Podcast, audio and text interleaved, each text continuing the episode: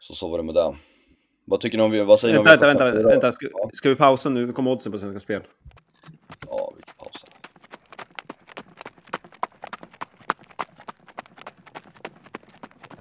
Spelvärldens podcast, vi är tillbaka. Det är måndag och delar av firman har varit på Mallorca i helgen på en liten kick-off och så vidare. Du var inte där Rasmus, men eh, jag och Jesus var där och höll fanan högt. Hur har det varit hemma i Sverige Rasmus? Ja, Jag har ju haft eh, eh, corona i en vecka så det har väl varit sådär då. Och sen har väl inte hästarna sprungit riktigt åt rätt håll heller. Så jag har väl varit en av de sämre veckorna på, på ett par år skulle jag säga. Ja, det är så pass. Men ni har haft det bra. Ja, vi hade det bra, eller hur Jesus? Jo, det var väldigt trevligt. Det var eh, riktigt kul att komma ner dit och se både det ena och det andra. Så att, eh, ja, nej, men riktigt fint. Och det var ju trav där. Dels har de ju en travbana i Palma då som ehm, där vi bodde och eh, sen var vi även på en eh, travbana lite utanför i en stad som heter Manacor där Rafael Nadal är uppvuxen faktiskt. En, en ja, väldigt genuin, lite mindre landsortsbana, 600 meter mätte den så det det var småviktigt att ha spets eh, på den banan kan man säga. Ehm, men eh, jag tänkte berätta om en grej som hände där på eh, Palma där. De körde tävlingen på fredagen. Ehm, Daniel Olsson som alla känner till, han var nere, skulle köra ett lopp åt um, Menhammar då. eh, och ehm, en svensk häst som hette, vad hette det nu igen Jesus? Vad hette hästen? Esmeralda, va? Ja, just det. Och eh, ja, det var många av oss som var ute. Jag eh, fick hoppa av i sista sekund, men Farinod var där bland annat och alla spelade ju då den här eh, som Daniel Olsson körde och eh, tre omstarter vart det bakom bilen. Sen gick det iväg och eh, hästen var totalt överlägsen, vinnare med halva upploppet. Så alla där var ju själaglada och skulle ta bilder och stod och ja, Eh, gjorde filmer och så vidare eh, efter att den hade vunnit då. Men eh, sen, sen föll ridån ner som det brukar kunna göra ibland. Den blev diskad på grund av att Daniel Olsson snuddade en pinne 800 kvar. Så ja, det vart skit av allt helt enkelt. Jag tror till och med att de ropade ut diskningen i loppet då. Men att, men att han kanske inte uppfattade det såklart, eftersom det var, ja, kanske inte så lätt att höra. Men jag tror till och med att de plockade honom i loppet. Okej. Eller det, det ska vara osagt, men jag har för mig att det var så i alla fall. Hur som helst så var det ju eh, lite snopet. Ja, det kan man säga. Och det här leder oss osökt in på det här, de här reglerna som vi har pratat en del om eh, vad gäller att köra mm, innanför pinnarna och så vidare. I Sverige är det ju väldigt eh, generöst med, med, med den biten. Man kan ju få köra igenom Eh, tio pinnar genom slutsvängen och gena och sådär utan att det händer jättemycket. Nu har de däremot skärpt de reglerna så att det numera är en B-förseelse. Eh, vilket innebär då att ehm, eh, det kom, eh, eh, påföljden beräknas utifrån loppets första pris. Alltså gör man det i Elitloppet så kan det bli riktigt dyrt. Det är väl är det en procent eller att man får 50 000 i så fall om man gör det exempelvis i Elitloppet som har 5 miljoner i första pris eller? Jag har för mig att det är så i alla fall. Jag ska inte, Ja. jag ska inte säga rätt ut att det är så, men det, det har väl varit så. Vad jag minns i alla fall. Dyrt blir det i alla fall. Men ehm, vad, vad tycker ni om den här ändringen? Är det rätt eller fel? Alltså det, jag tycker det är helt rätt att göra eh, regeländringen åt det, det hårdare hållet. Det har ju uppenbarligen varit eh, alldeles för enkelt att köra innanför, eller utanför bangränsen. Det har ju eh, var och varannan kusk tillämpat eh, väldigt mycket då, eh, Eh, eftersom det har varit så, antar jag för att det varit så liksom milda straff för det. Eh, ofta har det väl bara varit liksom 500 kronor i böter och eh, ja, men om det, du tjänar några meter i sista sväng, eller någon meter i sista sväng så kan det vara väldigt avgörande. Då. Så att, det har ju nyttjats av många. Så att, jag tycker det är helt rätt att det är, att det är hårdare straff. Sen om det ska vara ännu hårdare däremot, och det är väl det som är frågan mer tycker jag kanske. Jag Det känns som att den här, den här skärpningen är Eh, rätt så given. Eh, eller vad säger ni? Jag, jag eh, håller med om att det ska skärpas, men jag tycker nog, det blir lite kanske som att det är en mellanväg det där, att man när hästar bryter ut och stör någon och så kanske de hade vunnit ändå eller sådär så får de behålla segern och så får de en böter. Jag tycker nog snarare att man ska börja diska lite mer för när de ja, men till exempel kör innanför 28 pinnar eller, eller sådär. Ja, jag håller, jag håller med dig Rasmus där faktiskt. Att, um, jag skulle nog hellre se att, um, att, att liksom diskning är, är det som är det naturliga då. Uh, sen, och sen att det blir mer tydligt. Um, att, att man sätter en, en tydlig gräns. Tre pinnar exempelvis. Eller en pinna om man vill ha det stenhårt. Som det är på Mallorca då. Um, jag tyckte det var lite intressant det där, så jag, jag berättar den där historien för två eh, kuskar som kör väldigt mycket. Varav den ena sa Ja men det, kanon, det är ju så här ni spelare vill ha det. Ni vill ju ha det så här att man eh, kör på en pinne så blir man diskad. Så nu måste ju ni vara jättenöjda. Typ, tyckte inte alls att, det, att den här idén var jättebra. En annan kusk svarade bara Fan vad skönt att de har bra domare på Mallorca och diskar. Är bollen ute så är den, ingen mellanting, utan det är så där det ska vara. Så det, det nu har jag bara pratat med två stycken, men eh, det är lite, lite olika läger där i alla fall. Jag, jag, jag är mer åt att det, det hårda hållet här, att det ska vara, ja, att man inte ska få köra innanför de där pinnarna. Sen är väl en pinne lite väl hårt kanske. Det är ju trots allt djur, man kan kränga in, saker kan hända, kan bli nedtryckt och så vidare. Men eh, att man sätter en gräns på tre pinnar eller eh, absolut max fem. Så att då borde man hinna korrigera på det. Exakt, det är väl samma, sam, samma jag är inne på också där, att, ja, men att det, det, borde finnas en extremt tydlig gräns i alla fall. Sen om det är en, tre eller fem pinnar, det är liksom det så här, men att det finns en gräns att, man kör så här, då blir du diskad liksom, punkt. Ja, och det skulle ju eh, hjälpa domarna också så att, inte, ja, ja, att de ska sitta och gissa. Ja, men hade den vunnit ändå? Hade den, måste mm. bort från de här att det ska sitta domare och, och, och försöka räkna ut saker, utan det ska mm. vara tydligt bara.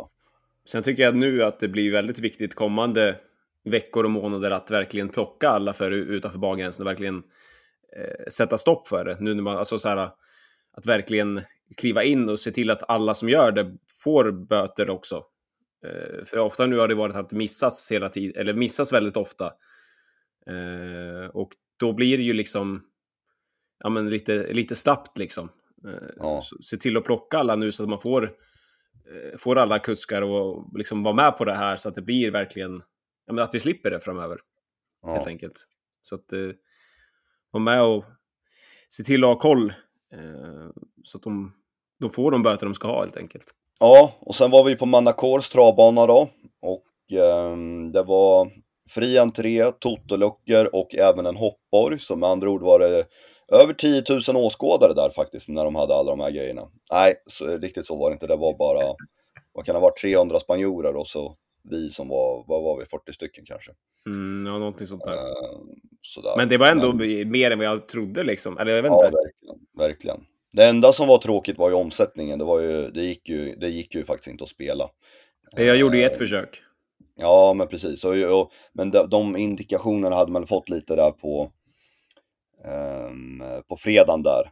Eh, ja. I, eh, I Palma. Det var väl någon som till och med tog hela potten på vinnarspelet. Mm. För det var bara han som hade spelat på den hästen. Och vad var potten? Typ 45 euro eller någonting. Så, um, ja. Och jag spelade en som jag, en som jag tyckte så, alltså, såg hästmässigt eh, klart bäst ut. Och så spelade jag 20 euro vinnare på den. Eh, med mm. risk för att hamna i den här situationen då som... Jag hade, jag hade ju hört eh, liksom, vad, vad riskerna var med det då. Men jag, jag tänkte, ja. jag, jag, lägger 20 euro så får vi se. Det, det blir vad det blir liksom. Eh, ja. Sen vann ju hästen enkelt då. Eh, men sen när jag skulle gå och hämta ut så gav den 1,18 i vinnarodds också. Så det var ju... Ja, det var väl inte så att jag klackan i taket var det väl inte, men... men du fick bjuda hela kvällen när du satte en vinnare. Du fick ja, bjuda exakt. hela kvällen för att du satte en vinnare. Exakt, det var det som var dealen. Så att, ja. Så. ja men det var kul. Ja, men det var, det var trevligt alltså. Jag älskar att vara på trav när det är sådär. Um, genuint liksom. Mm. Uh, ja, vet, vi kommer, återkommer väl till det, vi var ju även på plats där under jubileumspokalen Eh, men det kan vi återkomma till. Men eh, ja, Manacor, det var, det var kul. vad ska vi säga mer? Ska vi släppa Spanien eller? Vi tar väl jubileumspokalen då? Det är väl det enklaste det, kanske. Ja, men precis. Det var ju... San Ett Motör var... mediokert lopp. ja, precis. Nej, men herregud, vilken, eh, vilken fruktansvärd insats av San Motör.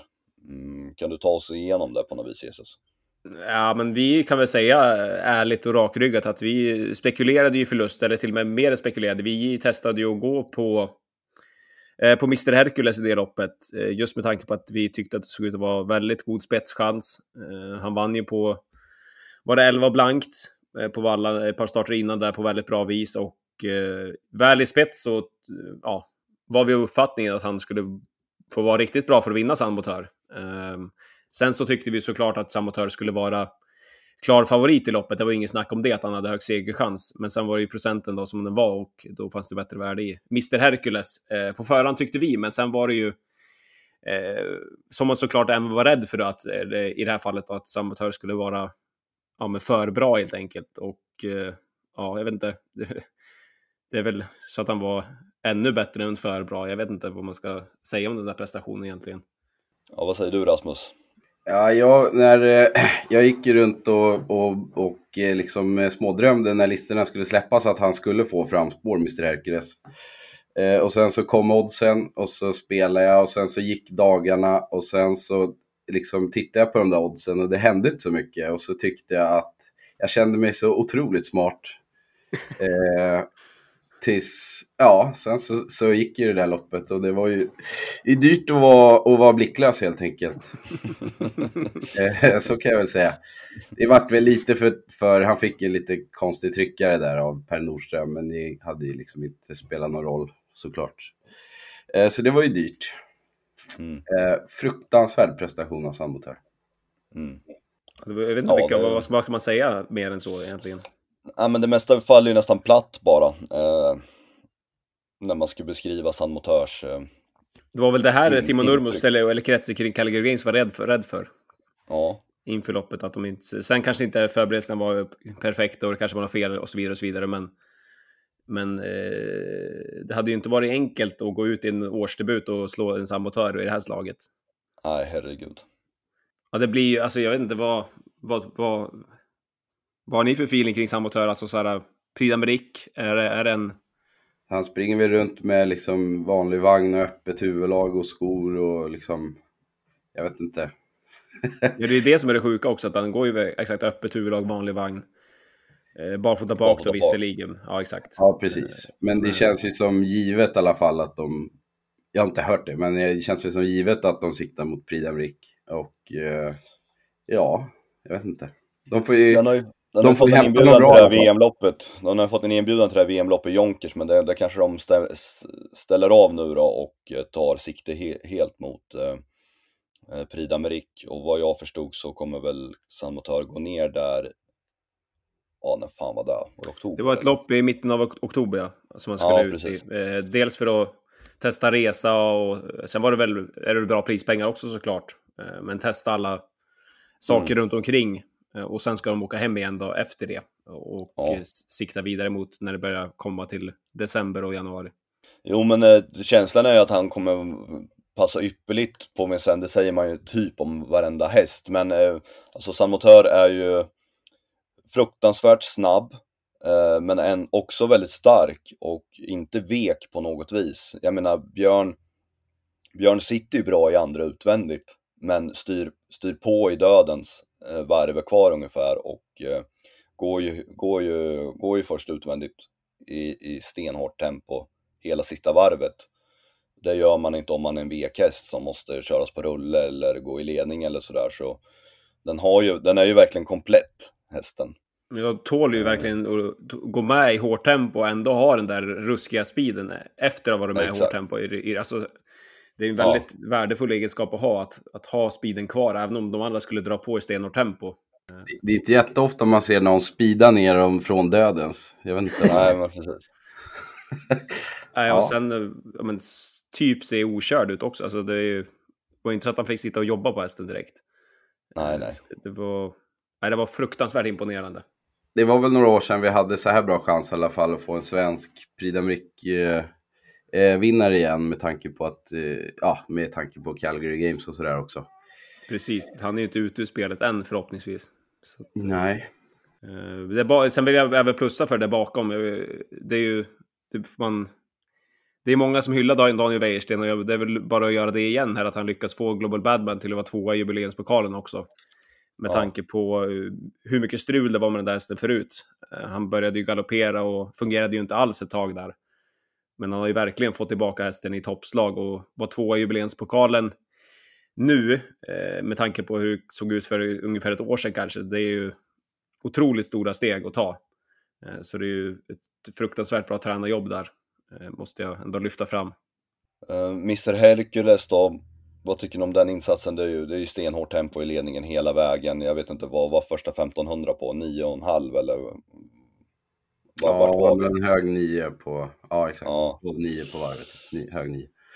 Jag var väl lite besviken ändå måste jag säga, sett till, eh, alltså nu inte kanske att han ska slå San Motör då, men jag har ju haft, jag har ju haft ganska höga tankar om den här hästen, särskilt i ledningen. Eh, och så hade han ju, han, när han ryckte tussarna där, det var ju ganska tidigt, typ 400-500 kvar redan, eh, men då hände det ju ingenting. Eh, och han var ju på linje med eh, Önas prins i princip då. Eh, så jag, nej, jag hade väl lite högre, högre förhoppningar om Mr Hercules måste jag väl säga. Önas Prins tyckte jag höll rätt bra från döden som femma. Ja, eh, verk, ja verkligen. Det måste man säga var en positiv insats eh, jämfört med sist där, och när han ändå så att säga borde ha varit tvåa från ryggledaren. Eh, Mm. Så att han håller i. Och Ridley Lavec har startsnabbhet som, han, som kommer bära honom en bit. Ja, herregud. Först där, först i Bollnäs där, men det här var ju... Han sa ju innan Oskar att vi kommer ju ladda allt vad som går för att det är ju den hästens chans att komma ner på innerspår med tanke på att han springer och bryter en del. Men, Ja. den, men, den, men den där startsnabbheten är ju brutal verkligen. Mm. Eh, väldigt imponerande, även om man inte räckte till i slutet av loppet då, så var det väldigt eh, coolt att se den startsnabbheten. Vi var ju på plats som sagt. Jag är ju ingen, du gillar ju, du är ju väldigt mycket på plats Jesus. Mm, så är det. Eh, Men ju- just det, vi satt, vi satt vid bankanten. Jag, jag måste säga att jag, jag har helt offside. Jag fick ju se om alla loppen sen, för jag, jag, jag vet knappt vad som händer.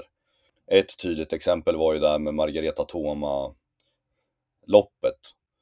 Eh, Vi sitter vid bankanten, ehm, så kommer de i, i första sväng där och eh, därifrån visat ser man ingenting, så jag kollar på tvn och där filmar de ibland loppet och ibland eh, positioneringssystemet, så man ser ju bara massa bollar eh, i princip, man ser positionerna. Och då ser jag ju Bentley Gar försvinner helt iväg liksom. Och, och så hör jag Putte referera att eh, galopp för Bentley Gar, okej. Eh, och sen kommer de upp ut, springer de förbi oss 200 meter senare, då sitter den i dödens. Jag har liksom ingen koll på vad som händer. Eh, så då fick jag ju, ja, när man ser om det så ser man ju att ja, det var en kortare galopp och så sitter Margareta Thome i döden så var övertag och sådär. Men det är mycket så här, mycket så här in, incidenter eller vad man säger i loppen och man, man, vet, man vet fan inte vad som händer, speciellt när det händer någonting i svängarna. Eh, så det är, det är jäkligt kul att vara på plats. Eh, Det är kul att träffa massa nya människor och sådär och det är väldigt trevligt men eh, jag, jag har svårt att hänga med riktigt, måste jag säga. Eh, Speciellt när man sitter sådär, då får man sitta kanske på restaurangen eller någonting. Mm. Har du någon reflektion? Nej, men så är det ju. Det är klart att det, det, man kan ju missa saker. Sen så tycker jag ja, men det, det, den totala grejen ändå väger upp, eh, för min del i alla fall. Då. Eh, Mm. Men sen är det ju, men det är ju plus och minus såklart, eh, givetvis. Eh, men eh, ja, Ja men när jubileumspokalen gick då fick jag liksom gå upp mer, så jag, jag tänkte det här loppet kan jag liksom inte vaska, det här måste jag ju se ordentligt Ja, vad som exakt. händer. Typ, så, här. så då, jag kan inte kolla på positioneringssystem halva loppet liksom. Så ja exakt. då, då fick jag gå på och kika lite och ehm, ja men eh, det var, det var ett kul lopp att se. Det var det. Några övriga tankar från jubileumspokalskvällen? Ivanka Amok vet jag att du var imponerad av Jesus. Nej, men det är grejen är så här, jag ska eh, tippa ett gäng lopp nu till V75 på lördag, Bergsåker, och eh, då startar Ivanka Amok igen. Eh, så att jag har väl börjat kika lite nu på förmiddagen här och jag reflekterade väl redan i onsdags över att det var en fruktansvärd insats av Ivanka Amok. Hon var ju otroligt bra, men går man in och kollar lite mer, ännu mer noggrant och så exempelvis klockar i sista varvet så ja, då blir man ju ännu mer imponerad. Det var ju en helt sinnessjuk insats. Hon eh, hade ju tjänat 340 000 innan det loppet, satt femte utvändigt, fick gå först i tredje spår.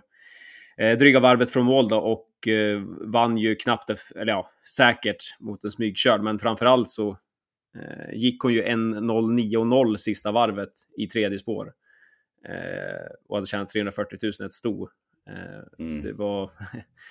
hon var ju otroligt bra i Eskilstuna starten innan också, men här var det ännu ett snäpp till. Det var fruktansvärt att kunna gå nio blankt sista varvet i spåren eh, av henne då. Eh, sen var ju banan jättesnabb och så vidare och så vidare, men det är fortfarande en fruktansvärd prestation. Så att, eh, den reagerade jag över, men sen fanns det ju fler såklart. Ma Margareta Thoma var jättebra, även om hon kom till ledning och sen Hanni Miraz, det loppet blev ju väldigt häftigt. Ja, berätta varför det blev häftigt. Nej, men det var, till att börja med så var det ju en stenhård öppning eh, för Carlos Smart att komma till spets. De kom upp till 500 meter på 0,5 blankt, vilket är eh, extremt sällsynt. Det var bara några få gånger som de har kört snabbare än så första fem i Sverige någonsin. Så det var en ruskig öppning och sen fick Hanni Miraz dra tåget. Eh, jag stod ju och hoppades på Sayonara i slutsvängen där och det såg ju bra ut när de blev framdragna av Hanni Miraz. Men Hanni Miraz sträckte ju verkligen på sig och var så där ja, jag, la till, jag la in en jinx där och sa grattis till dig i sista sväng. För jag tänkte att nu kan väl Sayonara omöjligen förlora. Men eh, ja, hon var i ordning nu, Hanni Miraz. Finns lagar som styr sånt. Eh, ja. nej, men Hanni Miraz har ju varit, det var lite strul i år. Hon har inte travat klockrent och man har, eller hon har ju fortfarande varit lika bra som tidigare, men inte fått travet att flyta och det har varit ett stort problem såklart. Framförallt i svängarna, men nu fick hon inte flyta, flyta mycket bättre och då är hon ju sådär bra. Hon är ju hon är väl det bästa stoet vad, man kan, vad jag kan komma på nu i alla fall. Eh, så att, eh, det var ju kul å ena sidan att se henne fungera fullt ut, men tråkigt å andra sidan med tanke på att dels hade gått emot henne på V75 och sen spela Sayonara också. Då. Både Sayonara och eh, Soida AMG gick ju dock bra som två och trea, så att de var inte dåliga på något vis. Det var väl snarare Hanni Miraz som var jäkligt bra. Då. Hade du någonting du fastnade för mer under tävlingsdagen, Rasmus?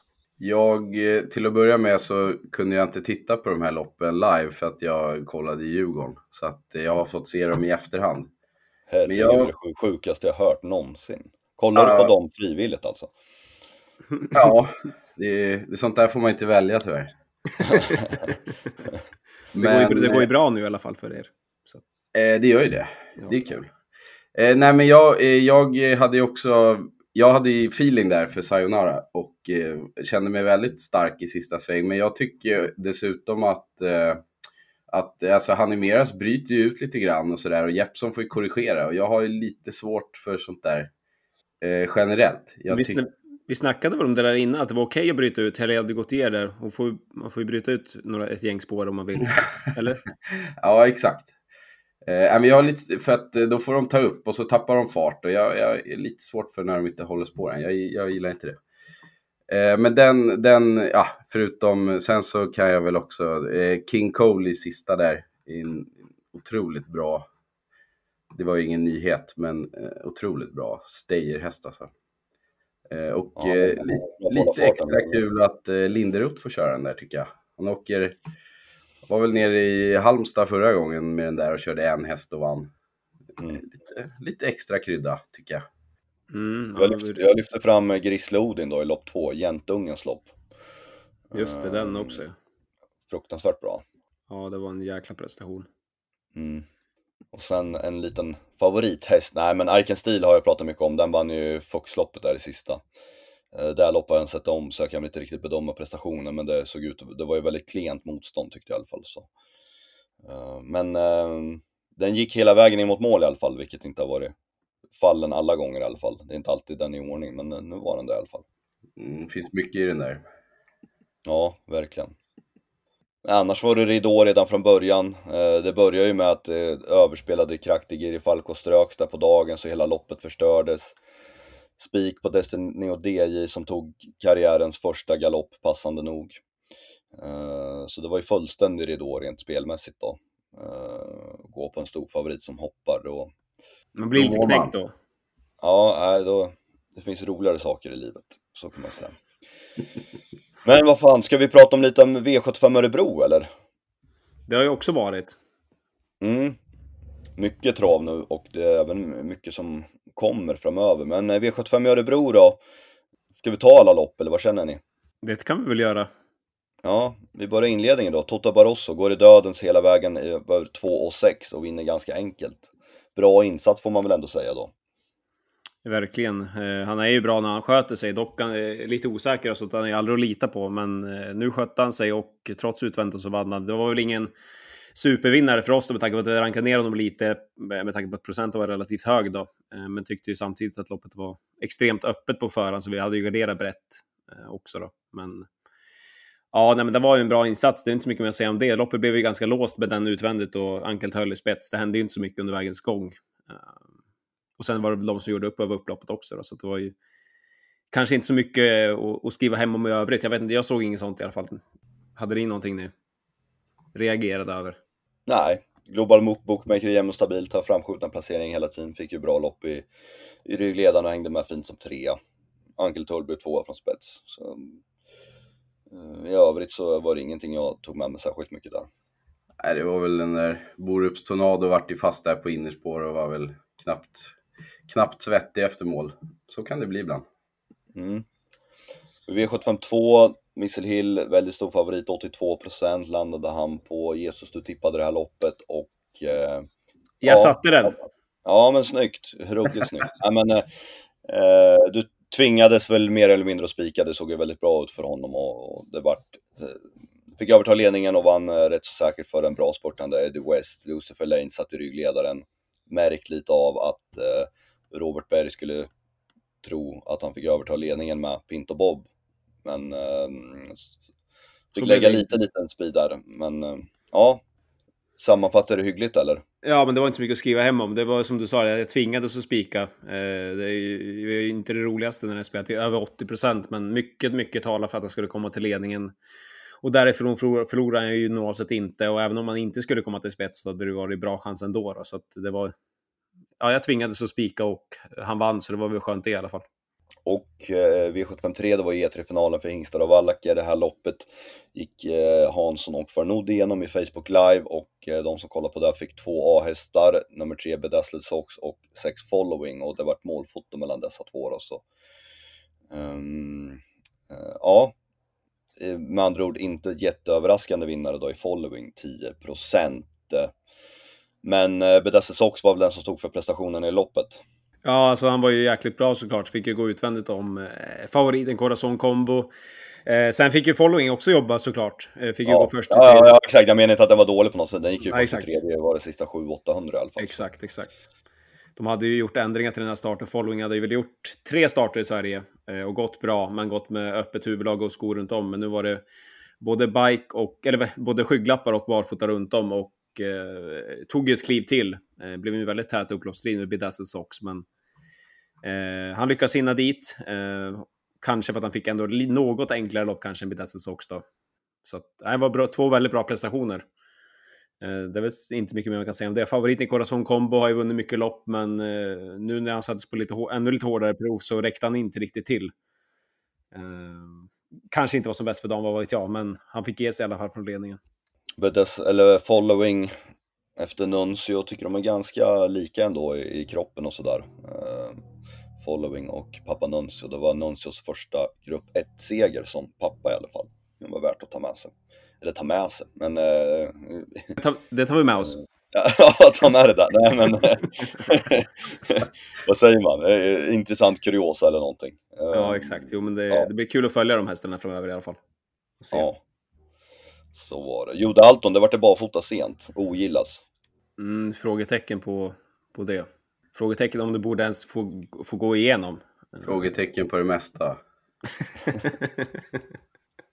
Nej, men det, det, det, det, är ju för uselt helt enkelt. Eh, det kommer ju extremt... Han kom in strax innan fyra typ, eller? Ja. Ja, exakt. Man, och kör första barfota runt om och liksom anmält barfota fram hela tiden och liksom... Nej, det är för uselt helt enkelt. Och så ett här lopp också. Ja, det, jag vet ja, det, och V75 och ja. Nej, men det borde man kunna veta innan fem i fyra att man kan köra barfota runt om. Det borde inte komma från som en blixt från klar himmel att det är E3-final och man, man kan göra ändringar. Nej, så. precis. Mm. Sen hade vi klass 2 eh, försök då, V754. Det blev där en, eh, återigen en eh, väldigt tät slutstrid då. Eh, det var ju målfoto i V753 och det blev det även i V754. Fader Simon vann för Global Crossover som var favoritspelad. Ja. Här hade vi ju spikat Global Crossover från början, men valde ju att ändra till senaste nytt, Rasmus. Ja, det var jag som höll på med det där. Eh, Roddade i det där. Ja, exakt. Ja, men, eh, han var ju, eh, han var ju 18-procentare där på lördagen, eller fredagen, när vi gjorde materialet. Och eh, tyckte att det fanns ett fint värde i honom och jag gillade ingen annan riktigt. Eh, men sen så när jag gick upp på, på lördagen och skulle börja jobba så var han uppe i 27 helt plötsligt. Mm. Och då tyckte jag att eh, dels var värdet borta där och sen så hade jag ett annat spikförslag från början och det var Elle Labero. Och han... Eh, Mer om det senare. Ja, han trendade ju passande nog neråt då. Eh, och var, så att det vart ju ett ganska enkelt beslut egentligen att byta, att byta spik. Eh, men Global Crossover var ju jättebra. Eh, han får ju gå först i tredje och göra mycket jobb och eh, åker dit på linjen och han vinner väl om, om Magnus går före brorsan helt enkelt. Eh, påpasslig styrning av Mattias Djuse där med, med Wings Level, men Magnus, eller Global Crossover vinner väl om Magnus, om Magnus går före helt enkelt upp i dödens, tror jag. Eh, men bra, riktigt bra prestation får man väl säga. Ja, men jag gillar också att du böt spik på grund av procenten, att det inte var någon info eller sådär. Även om, om, Eh, även om Global Crossover skulle ha vunnit och, eller Labero förlora så, om, om, så ska man inte se det resultatorienterat där, utan jag, jag, jag gillar skarpt att du, att du gör den manövern då när värdet ändå är bortblåst. Att man inte eh, står fast, eller bortblåst, men att, att det inte är så att det är tillräckligt för att det ska vara en spik. Eh, men om vi hoppar på eller Labero då. Eh, var det ungefär som du hade tänkt dig? Spets, släppa till stallkamraten, få tredje in och spurta bra som tvåa eller? Ja, exakt. Jag trodde, men jag, i, min, i, min, i mitt badkar så kom ju luckan 350 kvar istället. och då hade han ju hunnit förbi där. Ja, precis. Eh, nej, eh, första 700 såg ju ut exakt som jag eh, trodde. Han eh, var ju klart snabbare än de andra invändiga konkurrenterna som var liksom spetssugna. Så det var ju, skulle inte kosta så mycket att få spets och sen skulle han ju förmodligen få dämpa också eftersom att både Eagle in disguise och Konrads Diderot då är inte supersnabba liksom. Och det fick han ju. Fick ju köra 20 fart där i några hundra meter innan han helt plötsligt släpper till stallkamraten då som har hängt i tredje spår i 750 meter. Eh, det hade ju kunnat, nu gillar inte jag den styrningen ändå, men det hade ju kunnat bli bra om inte Skoglund var liksom för, för trött för att liksom se att Wäjersten kommer i full fart. Eh, för då hade han ju fått hålet och eh, fältet hade förmodligen blivit lite utdraget då. Det var lite småskiktat tyckte jag. Så det hade kunnat bli bra ändå, men normalt sett så trodde väl jag att han kör i ledningen där och jag är väl, känner mig väl ganska så trygg med att jag tror att han vinner om han kör i ledningen eftersom att då har han stallkamraten på utsidan också och då kan Wäjersten liksom inte göra så mycket. Eh, så att, kör han i ledningen så tror jag att han vinner.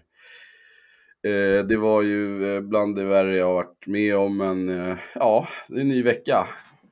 Men um, tror du Berg hade... Berg vart väl hörd av, av det där Jesus? Kollade inte du upp det där? Mm, jo, jag kollade resultatlistan på Travsport då, och uh, han blev hörd. Och, uh, och angående... en förklaring. Ja, exakt. Fick köra hårt för att komma till ledningen, släppte till en stark häst. Har provat att köra hästen i spets tre, fyra gånger och det har inte fungerat bra. Förklaringen godkänd. Ja, han, han, kör, han hade ju pausat lite och sen så kom han ut på Åby typ veckan innan, eller det var veckan innan. Eh, och då valde han ju att köra i ledningen, kanske lite oväntat den gången då. Men, eh, och då var det ju målfotoslagen där. Och eh, planen var ju att han skulle gå framåt mycket med det där loppet, vilket han dessutom såg ut att göra också. Prestationen var ju, var ju framflyttad verkligen. Ja, och han dessutom sköt han ju till, det är ingen snabb häst liksom, men han sköt ju till bra när luckan kom. Och eh, fortsatte ju även en bra bit efter mål också. Så att, eh, det är möjligt att hästen mår bra av det där loppet liksom, till kommande uppgifter, men det vart ju, blir väldigt lurigt det där. Tror ni att Robert Berg hade släppt till någon annan i fältet? Nej. Nej. Tror inte jag heller.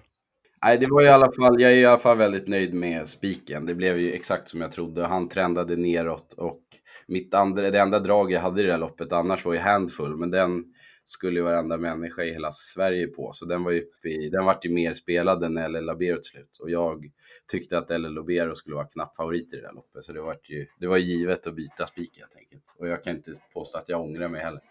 Nej, själv blir jag bara ledsen att se sånt här faktiskt. Jag tycker det är bedrövligt. Men, eh, men, men. Då lär Ja. vi inte se El Labero i ledningen något mer eftersom det inte funkar något bra. Eh, Nej, det var sista gången det kördes i spets eh, senast, eller näst senast. Ja, Mm. E3-finalen för Ston då. Och ehm, ja, snabbstart av eh, Independence Day som bombat i ledningen från spår 8, släppte till uh, Gevilla eh, med Mats Djuse, Stefan Melander tränar. Och eh, Omara Zon i dödens höll väldigt bra till andra platsen men Degrif eh, gick inte att stå emot. Så sammanfattar jag E3-finalen för Ston. Vad, mm, ja, vad tyckte ni? Nej, jag håller väl med. Det vart ju lite... Lolo Trott kunde inte öppna någonting från början och var väl, hon var väl inte som bäst för dagen. Och sen så hoppade ju Bidit med eh, Örjan och Decision Maker funkade ju inte med Björn Goop. Så det vart ju, det vart ju tre hästar Goop. kan man säga. var det med Björn Goop den inte funkade eller? Nej, det- var väl hästen. Barfota kanske? Ja, exakt. exakt. Eh, Men det vart ju tre hästar liksom, så det var ju ingen som gjorde någonting bakifrån. Så Degerif fick ju bara sitta och följa med Wäjersten och sen vrida ut och avgöra. Så det vart ju lite för lätt. Men jag gillade ju Omara Zon från början i alla fall och eh, fortsätter göra det. Jag tycker det är en jättefin häst, även om hon springer och bryter lite för mycket kanske. Men eh, mycket bra, mycket bra häst som jag, ja, en, en, känns som en Oaks, en Oaks häst. Men det är så frustrerande att de får ju göra allting själva och så får Diagriff sitta där och få allting nedkört i halsen. Liksom det åh, så frustrerande. Ja, det var, det vart ju, det vart jobbigt. Ja, det var ett plågsamt sista 200 meter. ja, jag hörde lite Titanic-musik i huvudet på mig själv. Nej, det var inget fel på det draget heller, men det ville inte. Nej, och sen eh, apropå snabba öppningar, vi hade ju ja, en som skenade till ledningen med helstängt huvudlag, Jackson Avery och eh, ja, vart ju småvass på kuppen får man väl ändå säga. Eh, 073 första 500 blev till exakt, ska jag ta fram, 08,5 tusen och då är jag inne på X-Lab så jag vet inte om de ropade ut något annat. Eh, tröttnade förståeligt, men King of Everything satte bak, får ju på så sätt bra lopp i ryggledaren, men den är också även med i, i det här hårda tempot. Den springer 9.0 sist- eh, första tusen. Så den får bra resa i rygg, men det är hårt tempo och sen vrider ut och kan vinna rätt så säkert till slut. Så det var en, det var en väldigt bra prestation. Vinner på 10.6 före Born to Run. ja, den gjorde ju också ett, eh, ett kanonlopp, Born to Run, i tredje spår, sista varvet och sådär. Mm. I övrigt var det lite galopper och grejer. Vi sammanfattade så, eller? Känns som vi har pratat väldigt mycket om historiska lopp, så man eh, Ja, tappar nappen lite. Har du något Ja. att säga om V757, Jesus? Nej, det fanns väl inte så mycket mer än det ni har sagt. Det var eh, King of Everything där, han verkar som att han nu går bättre bakifrån än i ledningen. Eh, att det kan vara melodin för honom framöver också, att, att gå med i ryggar istället för att köra sig i spets. Han har ju vikit ner sig från ledningen ett par gånger här på senare tid och eh, känns som att han fungerar lite bättre bakifrån. Bra där, 6000 vart det på 7 rätt. Uh, ingenting vi tog del av tyvärr. Det blev jackpot på 5 rätt till, på lördag då. Uh, då det är V75 på Bergsåker med Sundsvall Open Trot.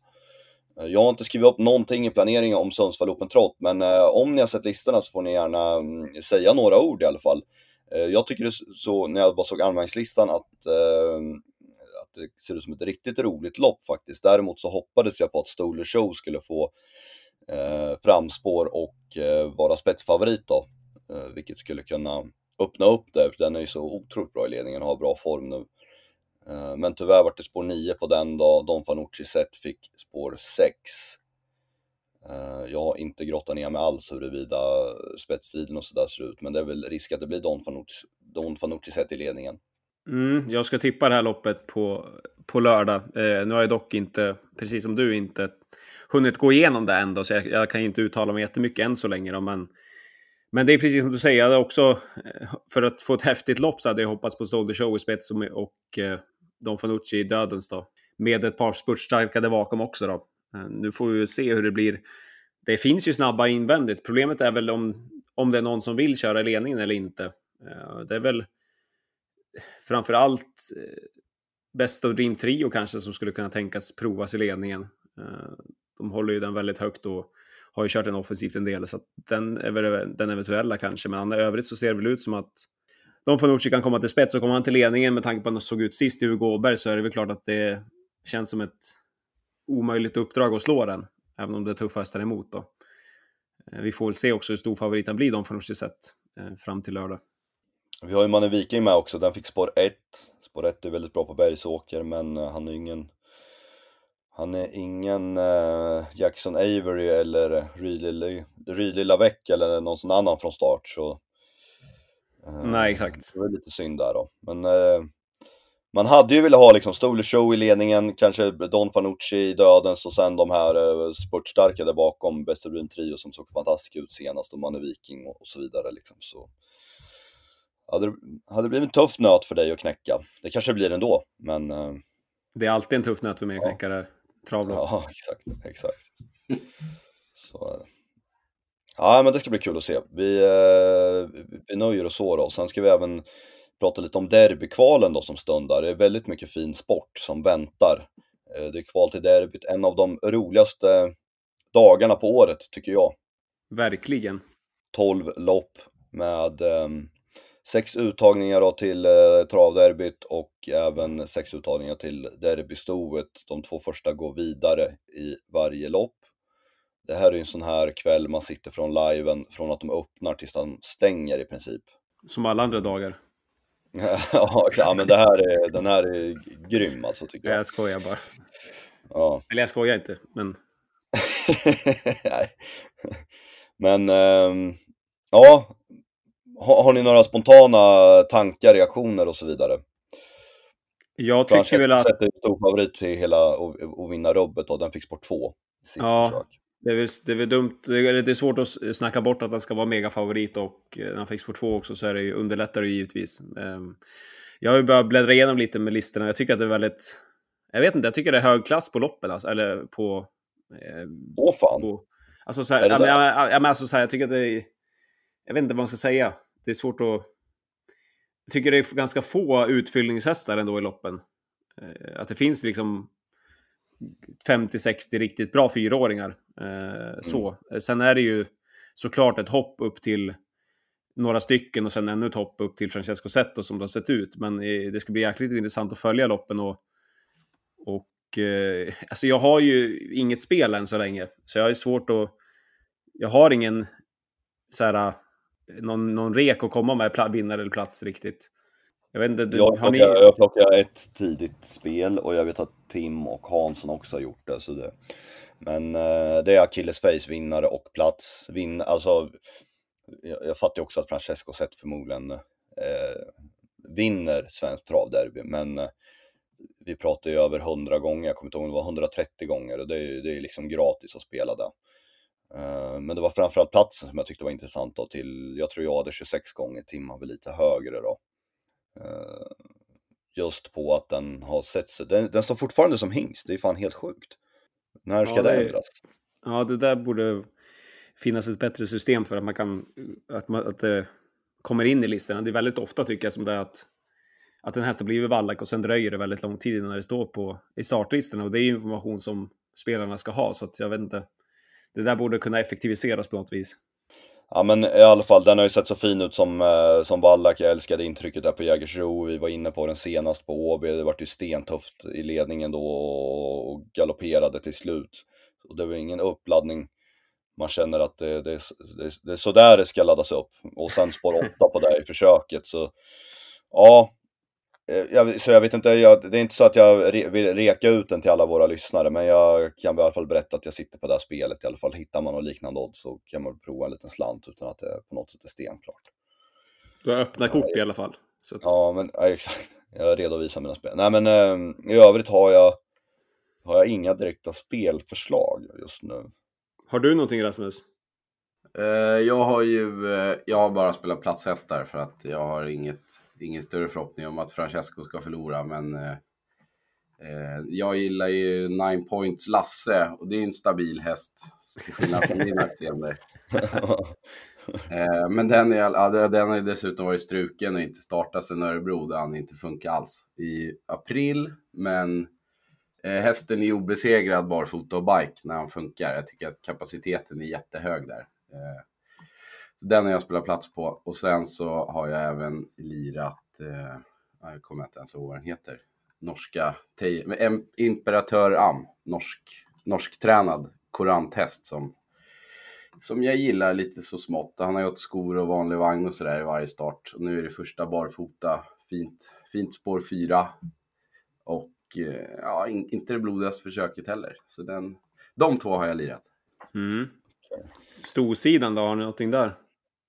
Jag bara, innan vi släpper, jag vill bara säga, jag såg att Indy Rock var anmäld med bike. Jag älskade intrycket på den i bike i eh, Sprintermästaren var det va? Det vart mm. galopp där när eh, det vart ja, någon incident där med Adrian, jag vet inte vad som hände eftersom att de, de, de sa att inget hände så då var det väl så. Men eh, det, jag tyckte den, den såg eh, väldigt fin ut mellan galopperna, jag gillar verkligen hur den såg ut. Nu har den ju Francesco sett i sitt försök då, men eh, ja, jag vill, jag vill ha det sagt, som Peter Untersteiner brukar säga. Jag vill ha det sagt, att jag, jag gillar ändringen. Nu kan vi ta derbystoet. Hade ni något där då? Vem är favorit till slutsegen? Lara Bocco va? Oj, 3,60. Mm. Jag är inne på Svenska Spel just nu. ATG har ju även de odds. Jag tror att eh, Great Skills var andra handare kanske. Mm, 4,95. Det som är positivt eller med Lara Boka är att det ser ut att ha ett väldigt bra försök. Att det blir tidig ledning och eh, sen inte så mycket mer. Så det är ett plus för hennes del. Men, men, men däremot så tycker jag det känns som att... Ja, men det känns väl inte som något man kastar sig över 3,60 eller vad du sa Axel? Nej, nej. Även om de är jäkligt bra och ska vara en av favoriterna såklart. Vad har du för idéer? Jag har inga idéer faktiskt. Om jag, ska, alltså, så här, jag har inte hunnit kolla dem så jäkla noga loppen än. Jag har ju varit på trav i Manacor istället så att jag har inte hunnit sätta mig in i allting än. Men det finns ju... Jag vet inte, jag... Ja. Hade du något spel till derbyt eller? Nej, inte det heller. Jag, blankt. Ingenting. Sjukt. Ja, det är, ja, det är sjukt beteende. Att inte ha spelat dit. Men... Ska, ska det vara så? Nej, så ska det inte vara. Men jag kanske kan lösa det under dagen. Uh, sitta och gräva ner mig lite i loppen. Jag har, den enda jag har som jag fortfarande inte riktigt har fått någon syn på tycker jag själv, det är den där Rihanna VI. Det, han får ju all, precis aldrig till det men, i de här större loppen. Men jag tycker i alla fall att det finns tillräckligt med fart och styrka. Men jag vet inte vad den har inte den ett bra försök eller? Jo, det Framförallt med spår också. Jo, det var ju det den hade för första gången någonsin typ. eh, för de, där testade de ju bike i, eh, i senast i, vad heter det, Storchampionatet. Eh, men den satt ju sist och var inte med i loppet överhuvudtaget. Men nu är det i alla fall ett bra läge då. Och eh, ja, det är den, den, den är den enda jag kan komma på sådär som jag antar får, får, man får lite högre odds på. Ja, vad får man för odds? Ska kolla här. Den står i på Svenska Spel i det här fallet då. Eh, 19.50 står den i. Ja, men det tar jag. Det tar vi, sa polisen. Ja, det tar jag. Francesco, det är, är det liksom, det finns ingen som talar emot den typ eller? Luleås Boko, kan den utmana? Ja, just det, det kanske vi borde nämna att det finns en sån häst med också. Eh, alltså, jag är ju otroligt spänd på att se Luleås Boko, för att det är ju extrema hyllningar och har ju gått med skor hela tiden och ja, men bara vunnit också då, så att det är ju väldigt intressant. Men sen har man ju... Sen är det, finns det väl fysiska lagar liksom, så att det, det krävs ju något exceptionellt för att slå Francesco Zet som det känns. Mm. Uh, men det roliga, alltså drömscenariot här då, samma spår som i Sundsvallloppet trots så är det ju drömscenariot att få Luleås Boko till spets i en final och Francesco utvändigt då. Uh, samtidigt som båda två har imponerat i försöken. Uh, det är ju drömmen givetvis. Att få en, få en duell så just Luleås Boko-försöket där blev ju ganska intressant när Aquarius Face fick spår 2 också. Mm. Den är väl inte, ingen raket, men den är ju... Hyfsat snabb, eller ja. Det känns inte heller som någon häst som man bara plockar ner hur som helst. Nej, verkligen inte. Och sen är jag intresserad av att se vad, vad Ruger kan göra i det loppet också.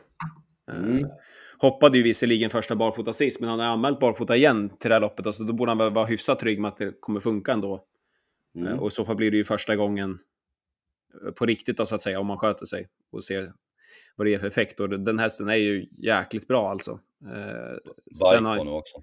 Exakt, han har ju siktat mot det här loppet hela tiden då. Som många andra Åh såklart. fan. Men, men ändå, alltså, ja men det är så här, alltså det är en så pass bra häst som man kunde ha förhoppningar tidigt om att den skulle så liksom. Ja, jag fattar. Så Rifrö är med i loppet också. Icke Mm. att förglömma. Exakt, Så det Mi- är missgynnas ju såklart en del av bakspåret där, men, men han är i, eller han har visat form.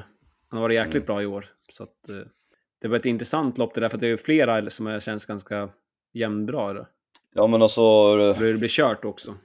Run and Cola som var så, väldigt fin senast också. Mm. Men den har ju 8 men eh, Men eh, Luleås Boko där, det var ju kul att eh, alltså när de vann i Örebro näst senast, det var ju inte så att Francesco sett kissa på sig av rädsla när den såg den prestationen direkt kanske. Nej, jag ska men, eh, erkänna att jag blev lite så här också, vad, vad är det här för något typ? Lite. Ja, men exakt. Ramlar ju verkligen undan från ledningen. Men eh, sist, och sen var det bike på sist och det var ju helt annat tryck i den då. Bara ånga på i ledningen, vann lätt. Anmäld barfota runt om nu då, jag för mig det var det inför senast också. Ja, exakt. Och Blev ju ändrat det- då.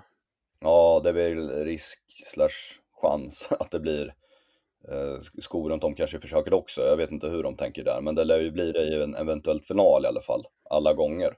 Exakt, det beror helt på hur pass trygga de är med att gå vidare eh, med Mm. skor. Om det behövs rycka skor för att vara, för att vara ja, men, hyfsat säker, eller vad man ska säga. Ja, ja, men det blir spännande. Roliga lopp, det är inte helt dött här under veckan, kommande vecka. Nej, herregud. herregud. Vi har lite, vi har några frågor från lyssnare här. En som heter Sam Boka, roligt namn. Ehm, först tack för att ni tar er tid med podd och frågor och allt runt travet. En fråga, det kanske är för de mest intresserade. Om det blir jackpot på 7 rätt, hur räknas den omgången in i medelutdelningen för 7 rätt på en speciell bana för V75 totalt? Speltekniskt är ju omgången väldigt svår, men utdelningen blir 0 kronor. Vet ni hur man löser det? Vänligen hälsar Sam Boka. Ja, det där är ju lite krångligt kan man säga. Främst så, så brukar väl eh, vi och de flesta prata om medianutdelningar och då blir det ju helt enkelt så att den, den lä- läggs ju överst så att säga. Det är väl det bästa sättet att få den rätt så att säga och det, det ger ett det, det ger en mer rättvis bild. Alltså om vi säger om vi har en omgång, om vi, om vi säger att det är tio omgångar, en omgång ger 10 miljoner och nio andra ger 1000 kronor. Då blir ju snittutdelningen på den banan en miljon. Vilket känns inte som en rättvis bild, men medianen blir ju 1000 då såklart. Så däremot brukar man ju mestadels prata om medianutdelningar. Men för, vill man ändå ha snitt så finns det inget hundraprocentigt att göra där. En del lägger den som, eh, tar bort den helt. Så att så det var ingen som hade sju rätt, så då tar man bort den. Har man hundra sådana exempelvis så att det är skitsvårt att få sju rätt på den, då blir det ju ingen rättvis bild med snittutdelningen. Eh, där man kan göra annars då är ju att eh, lägga den som att, ja det som fanns i potten på 7 rätt helt enkelt. Som det är 20 miljoner, att man lägger den som att det vart 20 miljoner fast att ingen hade det. Eh, men det finns inget, det finns inget hundraprocentigt att göra på det faktiskt. Så så var det med det. Uh, Mikael Erheden skriver så här, tjena, det här är ett påstående för mig, där ni kan svara ja eller nej. Magnus A. Djuse är en hybrid mellan Björn Goop, Örjan Kihlström och Jonny Takter och är den största kusktalang som Sverige någonsin har fått fram. Ja eller nej? Måste man hålla med om exakt som allt som sades, eller? Nej, nej du får ju säga, du får ordet fritt. Är, Men jag tänkte om jag bara skulle svara ja eller nej. Eh, ja men du får, får gärna motivera och lägga ut texten såklart. Nej, men jag, jag, tyck, jag håller ju inte exempelvis Johnny en, så, så högt som kusk, så att, att han är med där tycker jag inte är rättvis bild kanske. Men, men eh, hur, överhuvudtaget så tycker jag att han är, eh, av det jag har upplevt så att säga, så är det väl den största talangen jag har sett. Hade ju gett mig tyngd om jag hade varit 80 år istället för 28, men, Ja, jag, jag, jag, men jag kan inte göra så mycket. Jag är, Nej. jag är 28 och det, så är det bara. Det är inte mycket att välja på. Jag, jag säger det, det, det jag vet, eller kan, ja, kan säga. Ja, jag, jag, jag håller med. Jag tycker att, jag köper att han är lite sådär hybrid mellan Björn och, och Örjan. Han är otroligt bred, bred repertoar. Han är helt sinnessjukt bra helt enkelt. Ja, så kommer jag säga. Och jag gissar att du håller med också, Kristoffer? Ja, men jag, trogna lyssnare vet att jag, det har väl jag sagt i fem års tid ungefär. Även när han bara härjade uppe på lunchlopp i, i Norrland. Att det här är nog den största talangen vi någonsin har sett. Men fan, ja, jag gillar Mats också alltså. Ja, exakt. Det blir exakt. Han är också ruskigt vass. Så det, det är en, en sjuk familj på det viset. Ja, men och de är så unga, men ändå så är det liksom, jag kan ta med och våga knappt ta bort om det är Magnus eller Mats som kör. Alltså om man har så bara, men ah, jag tror inte på den där. Det, är, det ska inte räcka normalt. Alltså. Nej, men så, så bara första Mats, så bara, ja, men jag måste ta med den typ. Det, det, är inte, det är inte många kuskar som har den, eh, den påverkan på mig. Men både Magnus och Mats är otroligt vassa faktiskt. Det håller de inte med om själva, det är två ödmjuka killar, de tycker väl aldrig att de gör något bra och sådär och nej, det där var ju... Äh, Måste ju ha en bra häst. Hyllar man, ja, hyllar man dem för styrningen då, nej vadå, det var väl inget märkvärdigt att göra det där eller det, men hästen var ju bra och sådär. Så det, äh, de, de är ödmjuka och har fått fötterna på jorden, vilket kanske är en del av att det, det går så bra också. Det känns som de är bra på att skaka av sig också om det går dåligt. Det är inga som liksom ligger två veckor i rad och tänker på någon styrning för, som man har gjort. Utan bra är de i alla fall. Ja. Då ska vi avsluta med tävlingen. Och eh, ja, det var ju en kollinjehäst jag sökte förra gången. Lyssnade du på, på programmet Rasmus? Och tog du den? Eh, ja och nej. Ja. Jag kan meddela att det var Mikromesh. Ja. Det var ju en sån här som eh, kom lite i skymundan, den tjänade 3 miljoner och den var ju med i både kriteriet och derbyt och sådär. Men Ludde hade ju så otroligt många bra hästar den tiden så det är ingen, man, det är ingen, ingen som kanske tänker så mycket på Micromesh nu för tiden. Men det var i alla fall åtta stycken som eh, hade honom i bakhuvudet och skickade in rätt svar. Vi har fått eh, vi har dragit en vinnare och det är en som jag tror har vunnit tidigare för jag känner igen den här mejlen. Snygg i motljus gmail.com Marcus Petersson heter han. Och eh, han var 100% ärlig med han skriver så här. Det var en 100% Google-baserad gissning, men vad fan, folk googlar ju till och med när de går på tipspromenad med ett paket kaffe i första pris, så varför inte? Så, uh, ja, men så är det. är väldigt sant. Om jag blir ja. ensam på V75 någon gång ska jag köpa hans mejladress tror jag. ja, den lär inte vara gratis. Nej, knappast. Nu blir det här väldigt på uppstuds eftersom jag inte har förberett det, men det är ju det som är grejen. Det, är, det här härstammar ju lite från när vi körde hästar med andra ord och då ska man ju vara väldigt spontant. Så jag, eh, jag bara drar det jag har i minnet av den här hästen. Eh, den vann ju väldigt talangfull, inledde med flera raka segrar. Eh, det var en, två, tre, fyra, fem, sex, sju, åtta raka segrar. Eh, vann E3, final bland annat, eh, spåddes en lysande framtid fyraåringssäsongen, där är det mest ägg och eh, några galopper, någon fjärdeplats, eh, underpresterade, eh, förlorade som favorit, väldigt stor favorit flera gånger och eh, det vart inte så mycket med den här, bytte sedan regi och eh, tyvärr så fortsatte det lite i samma anda. Den tjänade bara ungefär 1,5 miljoner. När kan det här ha varit? Kanske 10 år sedan? Ja, eh, tränad i eh, Stockholmsområdet, välstammad häst som det tyvärr inte varit så mycket mer om än en väldigt framgångsrik treårssäsong. Tar ni det här eller? Oj, det borde man ju göra. Alltså står det helt still såklart. Aj, aj, är, det, är det helt omöjligt eller ska jag säga något mer ledtråd? Nej, det tycker jag inte att det är helt omöjligt. Nej. Även fast jag inte kommer på den nu på en gång. Då. Ja, men den E3 vinner i alla fall som har nio raka. Den går ju att googla fram om, eh, om man vill vara som Marcus Peter Petersson. Pettersson. Exakt. Ja, nej, men det blir bra. Nu stänger vi igen butiken. Vi tackar för att ni har lyssnat. Ha det så bra. Hej då!